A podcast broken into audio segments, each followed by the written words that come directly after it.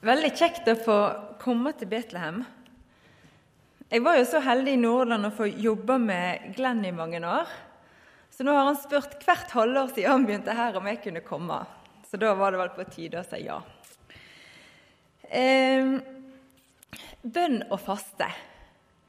Det er kanskje ikke det temaet som dere har eh, hver søndag. Jeg tror det er et eh, kjempeviktig tema, og jeg tror Gud har noe for oss i de tingene der. Og Vi skal begynne med å lære litt av kong Josafat. Og Han var konge i 870 før Kristus. Og så er det litt sånn om disse her historiene i Gamle testamentet. Noen, kjent, noen, av oss er de veldig kjente for, og noen husker ikke de så godt. Så jeg skal prøve å gjenfortelle det litt sånn enkelt. Men kong Josafat han eh, var konge over Juda. Og det som er med han, det er at det sto at han hadde et hjerte etter Guds vilje. Det står at han fulgte Herrens veier. Og så sammenligner de kong Josafat med disse andre som fulgte Baal, men han fulgte ikke Baal. Så står det en kjempefin beskrivelse om han. Og så står det at resultatet av Josafat, som var en mann etter Guds hjerte, det var at han ble enormt materielt velsigna. Han var enormt rik, og folk kom med gave til han. Og så var det ingen som turte å krige mot han. Han hadde fred dersom han styrte. Men det vi skal lære av han i dag, det er at han kom i en vanskelig situasjon. Han kom i en situasjon i sitt liv som, som, på en måte ble, var vanskelig. Hva gjør jeg nå? Og det som er så fantastisk, det er at han heller enn å på en måte samle alle for å nå tenke vi ut en plan, dette her skal vi løse, så samler han alle for å be og faste. Det var hans løsning på problemet. Heller enn å ta saken i egne hender, så lyste han ut bønn og faste i hele landet. Og Så skal vi se litt på hvordan bønn og faste blir brukt. Hvilke muligheter ligger det i, i det? Så skal vi se litt videre hva Jesus sier om det. Og så er det vel naturlig å reflektere litt rundt Har dette noe med oss å gjøre? Bønn og faste. Jeg tror at ved å bruke muligheten Gud gir oss til faste og bønn, så kan vi få se mer av det Gud har tenkt for oss. Og Det var mitt utgangspunkt for å finne mer ut av dette temaet. Hva ligger det i det? Hvorfor har Gud gitt oss den muligheten? For Gud gir oss muligheter, og han gjør ikke ting tilfeldig. Det vet vi jo alle om Gud. Han gjør det nøye gjennomtenkt. Og hva var tanken med denne muligheten? Det syns jeg var veldig spennende, og har jobba masse med for å, å, finne ut av. Jeg kommer ikke med fasiten her i dag, det er viktig å si. Men jeg kommer med noen tekster som vi sjøl kan få reflektere rundt. Og så kan vi sjøl gjøre oss opp de tankene vi vil ut ifra de tekstene jeg leser, ut ifra det Jesus sier, og litt hvordan det har blitt erfart opp igjennom. Faste, det er jo eh, for oss å avstå fra mat. Ikke, eh, ikke vann, men alt annet enn vann. Og i kristendommen så er det brukt for å vie tid eh, til bønn. For å være, ha mer tid tilgjengelig for bønn. Eh, så skal vi gå tilbake til Josafat. Det står om han i andre krønikebok 20. Vi skal ikke lese hele den historien, det tar for lang tid. Men den, det er så masse gode setninger inni der. Så hvis det er tid når du kommer hjem, eller sånn, så les det andre krønikebok 20. For det skjedde likevel at det kom noen og ville krige mot han. Og Når vi leser hva som skjedde, leser hele historien, så er det mange ting der vi kan lære om både bønn og om faste. For det som skjer, det er at de kommer med bud til han. At nå er moabittene og ammonittene på vei for å gå i krig mot dem. Og det er da vi kan si at han er i en veldig vanskelig situasjon. Han er konge, og landet holder på å bli angrepet. Og Da er det veldig lett for å bare tenke at nå samler jeg hæren min, dette fikser vi, og så går vi til kamp. Og så gjorde ikke han det. Og det står at han ble redd og rådvill. Og så lyste han ut bønn og faste. Og så kom det, står det, folk fra alle byene eh, i landet der. Det kom masse folk sammen, og de samla seg, og så ba de i lag. De fasta jo, de spiste ikke, og så var de sammen og hadde sånn felles bønn for landet sitt. Og så står det videre at mens landet, eller mens de fasta og ba, da kom Herrens ånd over en av de, som da fikk profetert eh, løsningen som Gud hadde. Når de fasta og ba, så kom Guds ånd over en av de. Og Da skal jeg bare lese i 15 og 17. Den kom over levitten Jahasiel, og så sa han Så sier Herren til dere, Vær ikke redde og mist ikke motet av denne store styrken, for dette er ikke deres kamp, men Guds. Så står det, men det er ikke dere som skal kjempe denne gangen. Dere skal bare stille dere opp og bli stående. Så skal dere se hvordan Herren frelser dere, Juda og Jerusalem. Vær ikke redde og mist ikke motet. Dra ut mot dem i morgen. Herren skal være med dere. Her kommer Gud med svaret. Dette er ikke deres kamp, dette er min kamp, sier Gud. Men la det merke til at det var ikke sånn at svaret var at Gud gjorde ferdig krigen. Svaret var et løfte om at han skulle ordne denne krigen. Og når vi ber og og får et løfte, klarer vi å gå på det? Eller skal vi liksom se ferdige resultat før vi tror på det? Her kom Gud og talte til dem. Dere, jeg skal kjempe denne kampen for dere. Og de handla på løftet. De reiste seirende ut mot fienden. De bare reiste liksom som vinnere, sjøl om fiendene fortsatt var på vei imot dem. Og da skjer det tre ting som jeg syns er utrolig viktige å ta lærdom av. For Gud hadde gitt dem svaret, men han hadde ikke gjort det. Og så står det i vers 22.: Så snart de stemte i med jubelrop og lovsang, lot Herren og så Her er det mye ord, da. Men med en gang de begynte å lovsynge, altså med en gang de priste Herren for svaret, da kjempa Gud kampen. Da gjorde eh, Jeg er ikke så god i å forstå sånn krig og sånn, men de kriger først tok den De i hvert fall så de utkjempa seg sjøl. Det er den enkle versjonen av hva som skjedde. Gud eh, forvirra de nok, sånn at de utkjempa seg sjøl. Og når disse kom fram, så var krigen ferdig. Når Josefat sitt folk kom fram, så kom de til ei mark der kampen var ferdig kjempa. Seieren hadde de vunnet uten å ha vært der.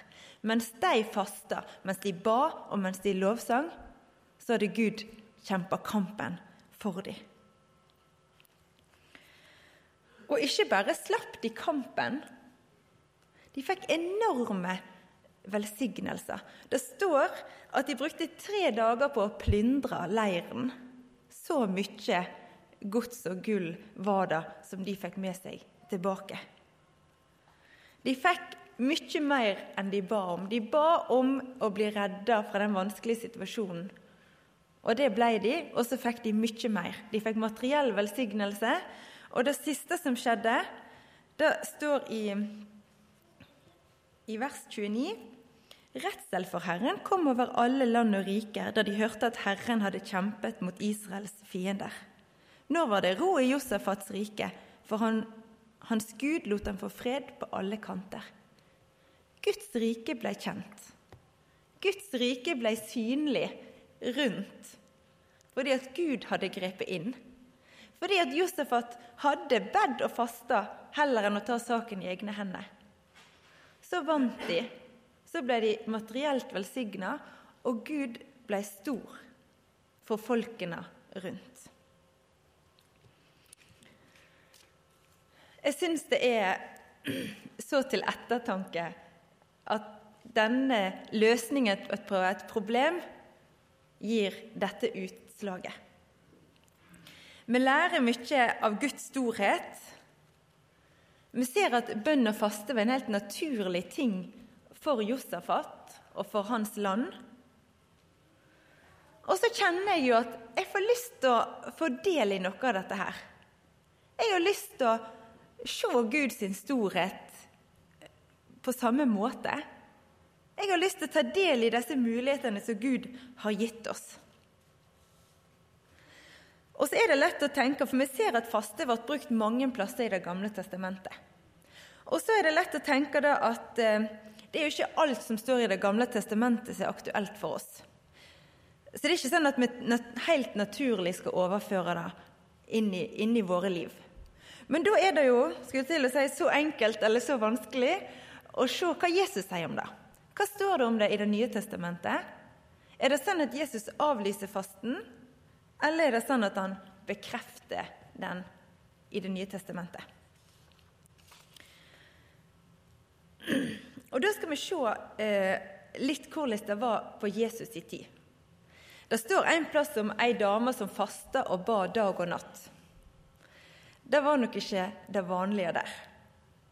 Men Jesus var jøde, eh, og blant jødene så hadde de én eh, fastedag i året som var lovpålagt.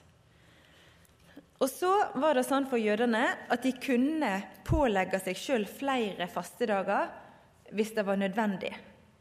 Og det var da hvis de var i sorg, hvis de var i nød, eller hvis det var ekstra fare, så kunne de da eh, gå imot disse situasjonene med faste. Så det vanlige det var én fastedag og flere ved behov. Og så har vi fariseerne. De faster like godt to dager i uka. Og de, sammen med almisse, altså å gi penger, og sammen med bønn, så var faste blitt en sånn fromhetsøvelse. Se på meg, jeg faster, så jeg er veldig åndelig. Det var fariserene sin måte å oppheve seg sjøl. De ga synlig, de fasta synlig, de ba synlig, så alle skulle se at de var ekstra åndelige. Og det var kanskje det de fleste hadde da som tanke om faste. Det var disse fariseerne som gikk og viste seg fram. Og Da er det jo egentlig godt da å lese at Jesus advarte sterkt mot den typen faste som fariseerne bedrev. Han kalte det hykleri, og han sa det at disse de faster kun for at det skal se bra ut. Og I Matteus 6, 16 så står det Når dere faster, dette er Jesus som sier, skal dere ikke gå med dyster mine, slik som hyklerne. De forsømmer sitt utseende for at folk skal se at de faster. Sannelig, jeg sier dere, de har alt fått sin lønn. Så Jesus han talte imot disse fariseerne, sånn at når de fasta, så gikk de og viste seg fram og hadde visst ei dyster mine de tok på seg. Men han advarte videre nedover i samme avsnitt akkurat like masse mot bønn når vi gjorde det for å vise seg fram. De som ba i offentligheten for at alle skulle se dem. Og akkurat det samme med givertjenesten. Han snakket akkurat like mye ned alle de tingene og kalte det for hykleri hvis vi gjorde det for at andre skulle se det. Han sa da at det var ingenting verdt det fariseerne gjorde, så lenge de gjorde det bare for å få ære sjøl. Men det som er litt interessant, det er at selv om Jesus advarer så tydelig mot disse tingene, mot både bønn, faste og givertjeneste, så avslutter han ingen av disse handlingene. Men han prøver å lære oss i vår bibel om hvordan vi skal bruke det rett. Og Da står det videre akkurat om faste. Så står det om bønn og om givertjeneste, som det kan òg finne. Så står det her, eh, Matteus 6, 17, 18. Men når du faster, skal du salve hodet og vaske ansiktet, for at ingen skal se at du faster. Ingen andre enn din far som er i det skjulte. Og din far som ser i det skjulte, skal lønne deg. Det er at han lærer oss hvordan vi skal gjøre det. I det skjulte så står det i, en, i et av de andre evangeliene at han skal lønne oss i det synlige. Så kan vi nå lure på hva det betyr. Og De lurte jo litt på dette her med faste òg når Jesus var på jord. Og Jesus han fikk liksom direkte spørsmål. Ja, skal ikke dere faste? Skal ikke disiplene dine faste Jesus? Og det han svarer da, det leser vi Matteus 9, 15, 14 og 15. Disiplene til Johannes kom da til han og sa:" Både vi og fariseerne faster ofte. Hvorfor faster ikke dine disipler? Så svarer Jesus, kan vel bryllupsgjestene sørge så lenge brudgommen er hos dem? svarte Jesus. Men det skal komme en tid der brudgommen blir tatt fra dem, og da skal de faste. Disiplene kunne ikke faste når det var fest. Selvfølgelig ikke. Og Jesus' tilstedeværelse de årene, da gav ikke tid for faste.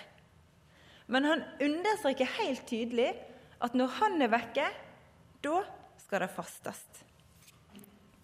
Og så er det sånn med Bibelen, sånn som jeg kan se det, så må alle studere dette her sjøl. Men på samme måte med bønn og givertjeneste så kommanderer ikke Bibelen oss til å faste.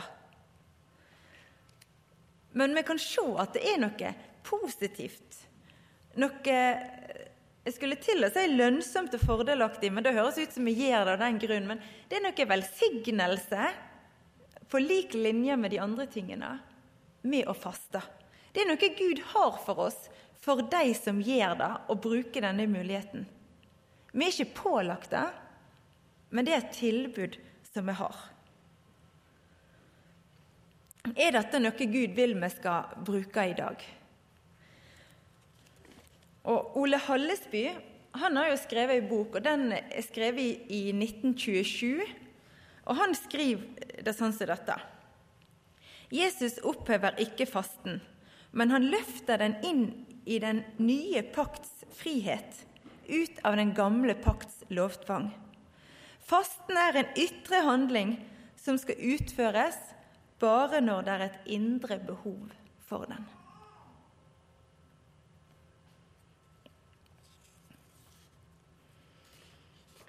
En ytre handling som skal utføres bare når det er et indre behov for den. Og Der tenker jeg at situasjonen Josefat var i, er veldig godt sånn forbilde.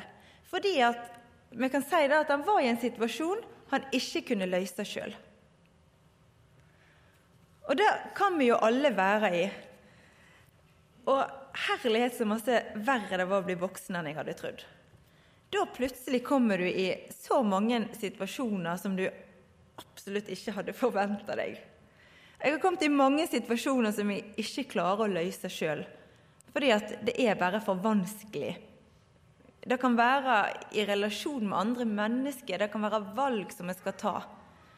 Og Hvis ikke jeg er helt unik, så kan noen av dere kjenne dere igjen i det at det er faktisk uløselige situasjoner av og til i livet. Og Det Josefat gjorde, det var at han tok kampen med å be og avstå fra mat. Og så tok Gud den virkelige kampen. Og ved å gjøre det, og ta kampen med å avstå fra mat Og det skal vi ikke snakke lett om, for det er vanskelig. å avstå fra mat, eh, og han ba, så fikk han se mer av Gud ved å bruke den muligheten. Og Hallesby sier òg at det handler om å sette det synlige til side, altså maten, for å se mer av det usynlige. Sette det synlige til side for å se mer av det usynlige. Livet kan være sånn at vi trenger et gjennombrudd. At vi, sånn som vi har det nå, det makter ikke vi å ha det lenger. Vi trenger et gjennombrudd. Og faste kan være en måte å vise til Gud at denne her situasjonen den mener jeg alvor med. Denne bønnen den mener jeg alvor med, og nå, nå legger jeg den framfor deg. Og Det som er viktig, det er at det er ikke løs, vår løsning vi legger framfor Gud, og så på en måte faste vi for å sikre oss å få det. Det er ikke sånn at vi kan manipulere Gud og på en måte vite at dette er et sånn én-til-én-forhold. Så lenge jeg faster, så får jeg det som jeg vil.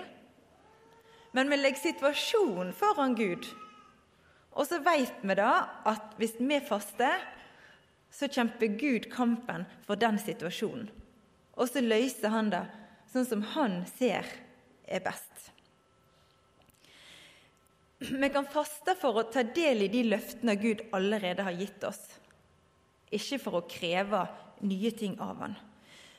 Vi faster ikke for svaret, vi faster for for utfordringen, for det som er, er vanskelig. Og Ut ifra eh, historien i Bibelen så finner vi sju ulike kategorier vi kan si at de faster for. Det kan være noen som trenger mer av Guds kraft i tjenesten. Så kan de gå inn i en faste for å, å be om det. Og Jeg leste òg om en som hadde gjort det, og så plutselig så hadde han en helt annen kraft i sin Han var i, en helbredelsestjeneste. Helt annen kraft i bønnet etter, etter, at han hadde begynt å faste. Og I Bibelen så eh, faster de òg for Guds ledelse. Det kan være hvor, hva retning skal vi ta herfra? Oppfyllelsen av Guds løfter, eller å avverge krise, sånn som Josafat, eller beskyttelse, det går jo litt i ett. Avverge krise eller beskyttelse. Eh, innsikt for Guds planer i endetider. Eller det å, å komme nærmere Gud i sin relasjon til Gud. Og I alle disse situasjonene som jeg nå nevnte, så er faste brukt som et middel som Gud har gitt. Og Det gir jo da at du får en sterkere konsentrasjon om bønner, det kan ta vekk hindringer i bønnelivet. Og ikke minst så er det det å bruke tid i Guds nærhet, der vi har tid både til å be og til å høre. For da kommer vi til resultatet av fasten. Og når de hadde fasta, så kom Herrens hånd til en mann i folket. Og veldig ofte så ser vi at etter en faste eller på slutten av en faste, så kommer Herrens ånd til den som faster. Og da er det jo ofte lett oss å høre Den hellige ånd i stillhet. Så fasten hjelper oss jo òg til å være i stillhet. Og jeg må si for min egen del at de gangene jeg har gjort det, så har jeg opplevd helt konkret at Gud kommer med en løsning i den situasjonen som jeg har fasta for. Helt konkret. Og så kan vi sitte igjen med mer enn vi ba om. Josefat vant krigen og ble materielt velsigna, sånn som jeg sa i stad, og Guds rike ble kjent. Og Det står at når du faster i det skjulte, så skal Gud lønne deg. Og En plass står det at han skal lønne deg i det synlige. Så jeg tror det ligger mye i dette her som er uforløst, fordi at vi griper ikke muligheten. Fordi at vi orker ikke en dag uten mat. Men så er det bare så masse godt som ligger på, på andre sida av, av, fasten. Eh, I Nytestamentet også ser vi flere eksempel på at apostlene fasta. Når de skulle velge ut folk eller sende folk av gårde, så var det helt naturlig for dem å faste. Jeg har ikke tid til å gå inn på alle disse tingene. Men så ser du òg i kirkehistorien at de som har forandra verdenshistorien, de har fasta. Luther, som vi skal feire, han har fasta. Han fasta før han så dette verset som ble jo til forløsning for oss alle. Og ironisk nok så fasta Luther, men for oss så forsvant fasten ved reformasjonen for 500 år siden. Da tok de vekk alt som kunne være bitte litt lovisk.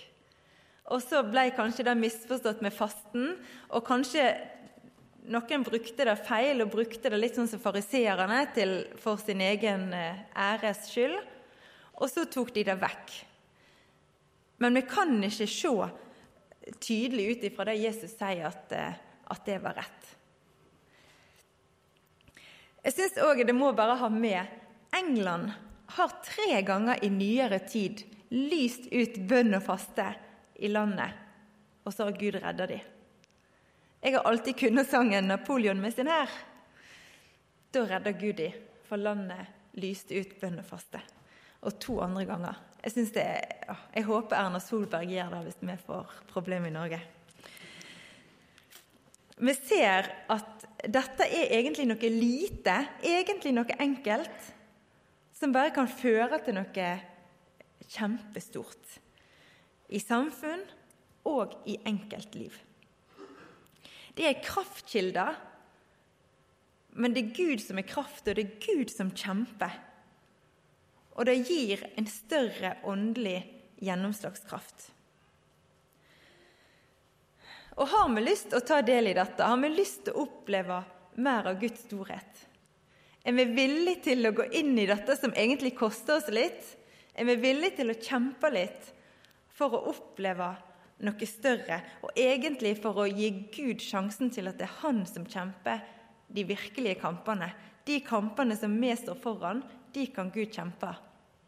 Og så kjemper vi for oss sjøl med maten. Det er egentlig bare til å sette i gang.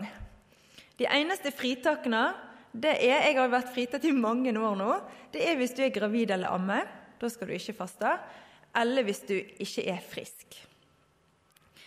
Eh, hvis du ønsker å tenke at 'jeg har lyst til å faste', jeg har lyst så er det liksom, Hvis du har en, en, situasjon, og mange har det sikkert, og mange av dere kommer til å få det fra nå og framover i livet, så legg en situasjon foran Gud som er vanskelig og fastlåst.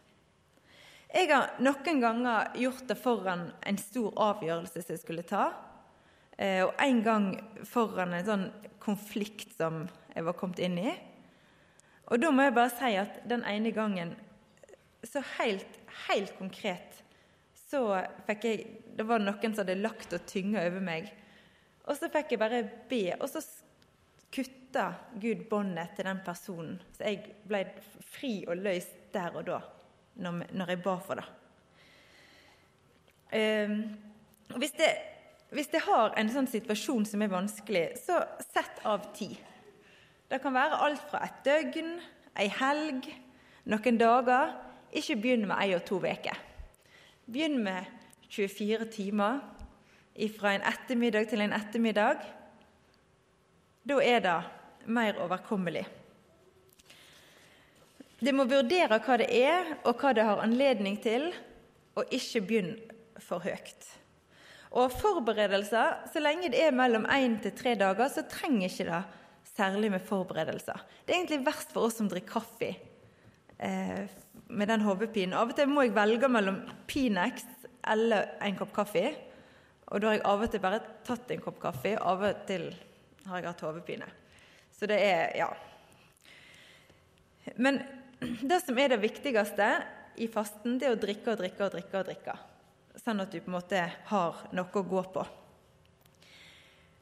Og så står det jeg skal si kort, for Jesus sa jo når du faster, skal du salve ditt hoved Nå skal vi se om jeg finner det igjen her.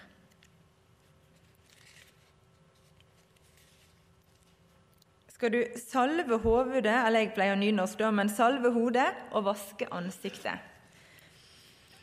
Og da, vår salvelse, det er Den hellige ånd. Så når vi faster, når vi går inn i faste, så skal vi salve vårt hode, står det. At vi skal gi plass til Den hellige ånd i våre liv. Eh, gi, gi, rom for at han skal tale, for at vi skal lytte. Og på en måte gi, gi han det rommet han fortjener. Han er hos oss som tror, men gi han det rommet han fortjener. Det vil det si å salve eh, hodet. Å vaske sitt ansikt, det handler om å gjøre oss rein foran Gud. Synden, synd gjør oss skitten, og vi kan be om tilgivelse, og sånn møter Gud rein og klar. Ta vekk den synda som, som stenger. Og så er vi med Gud. Og sulten, den skal minne oss om å be. Og vi blir stadig vekk minnet om å be.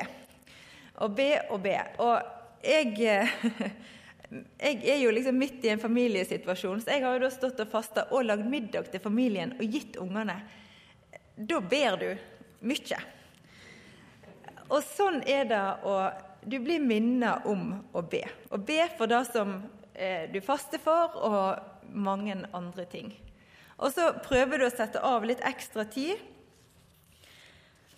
og så blir det ekstra tungt når du nærmer deg slutten, for du vet at du snart er ferdig.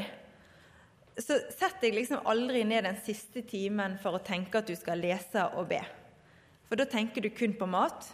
Så da kan du heller gå en tur eller gjøre noe og oppholde deg litt akkurat da på slutten.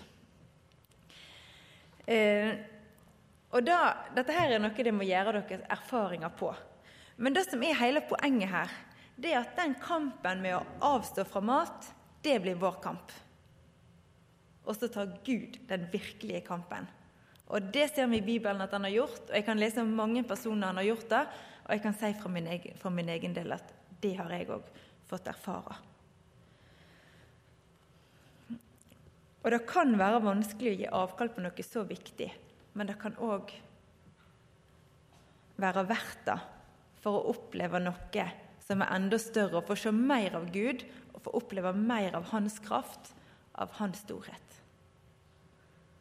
Så skal dere få reflektere rundt dette her for deres egen del, men jeg tenker i hvert fall at hvis det er noe Gud har gitt oss, så må vi jo ikke gå glipp av det. Skal vi be. Kjære Jesus, takk for at du er stor, at du er omsorgsfull mot oss.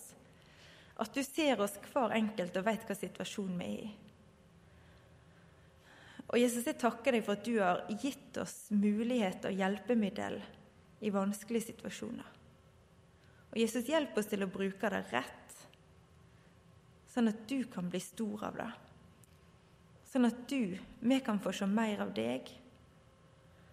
Jesus, hjelp oss til å tenke rett om disse tingene, og hjelp oss til å se hvor tid du ønsker at, og vet at vi trenger å bruke det. Takk for alt som du har gitt oss Jesus. Så ber jeg deg for dette fellesskapet, at du må være med og velsigne dem. At du må lede dem som du vil ha dem. De må få ha det godt med hverandre og leve nært deg, Jesus. Det ber jeg deg om i ditt navn.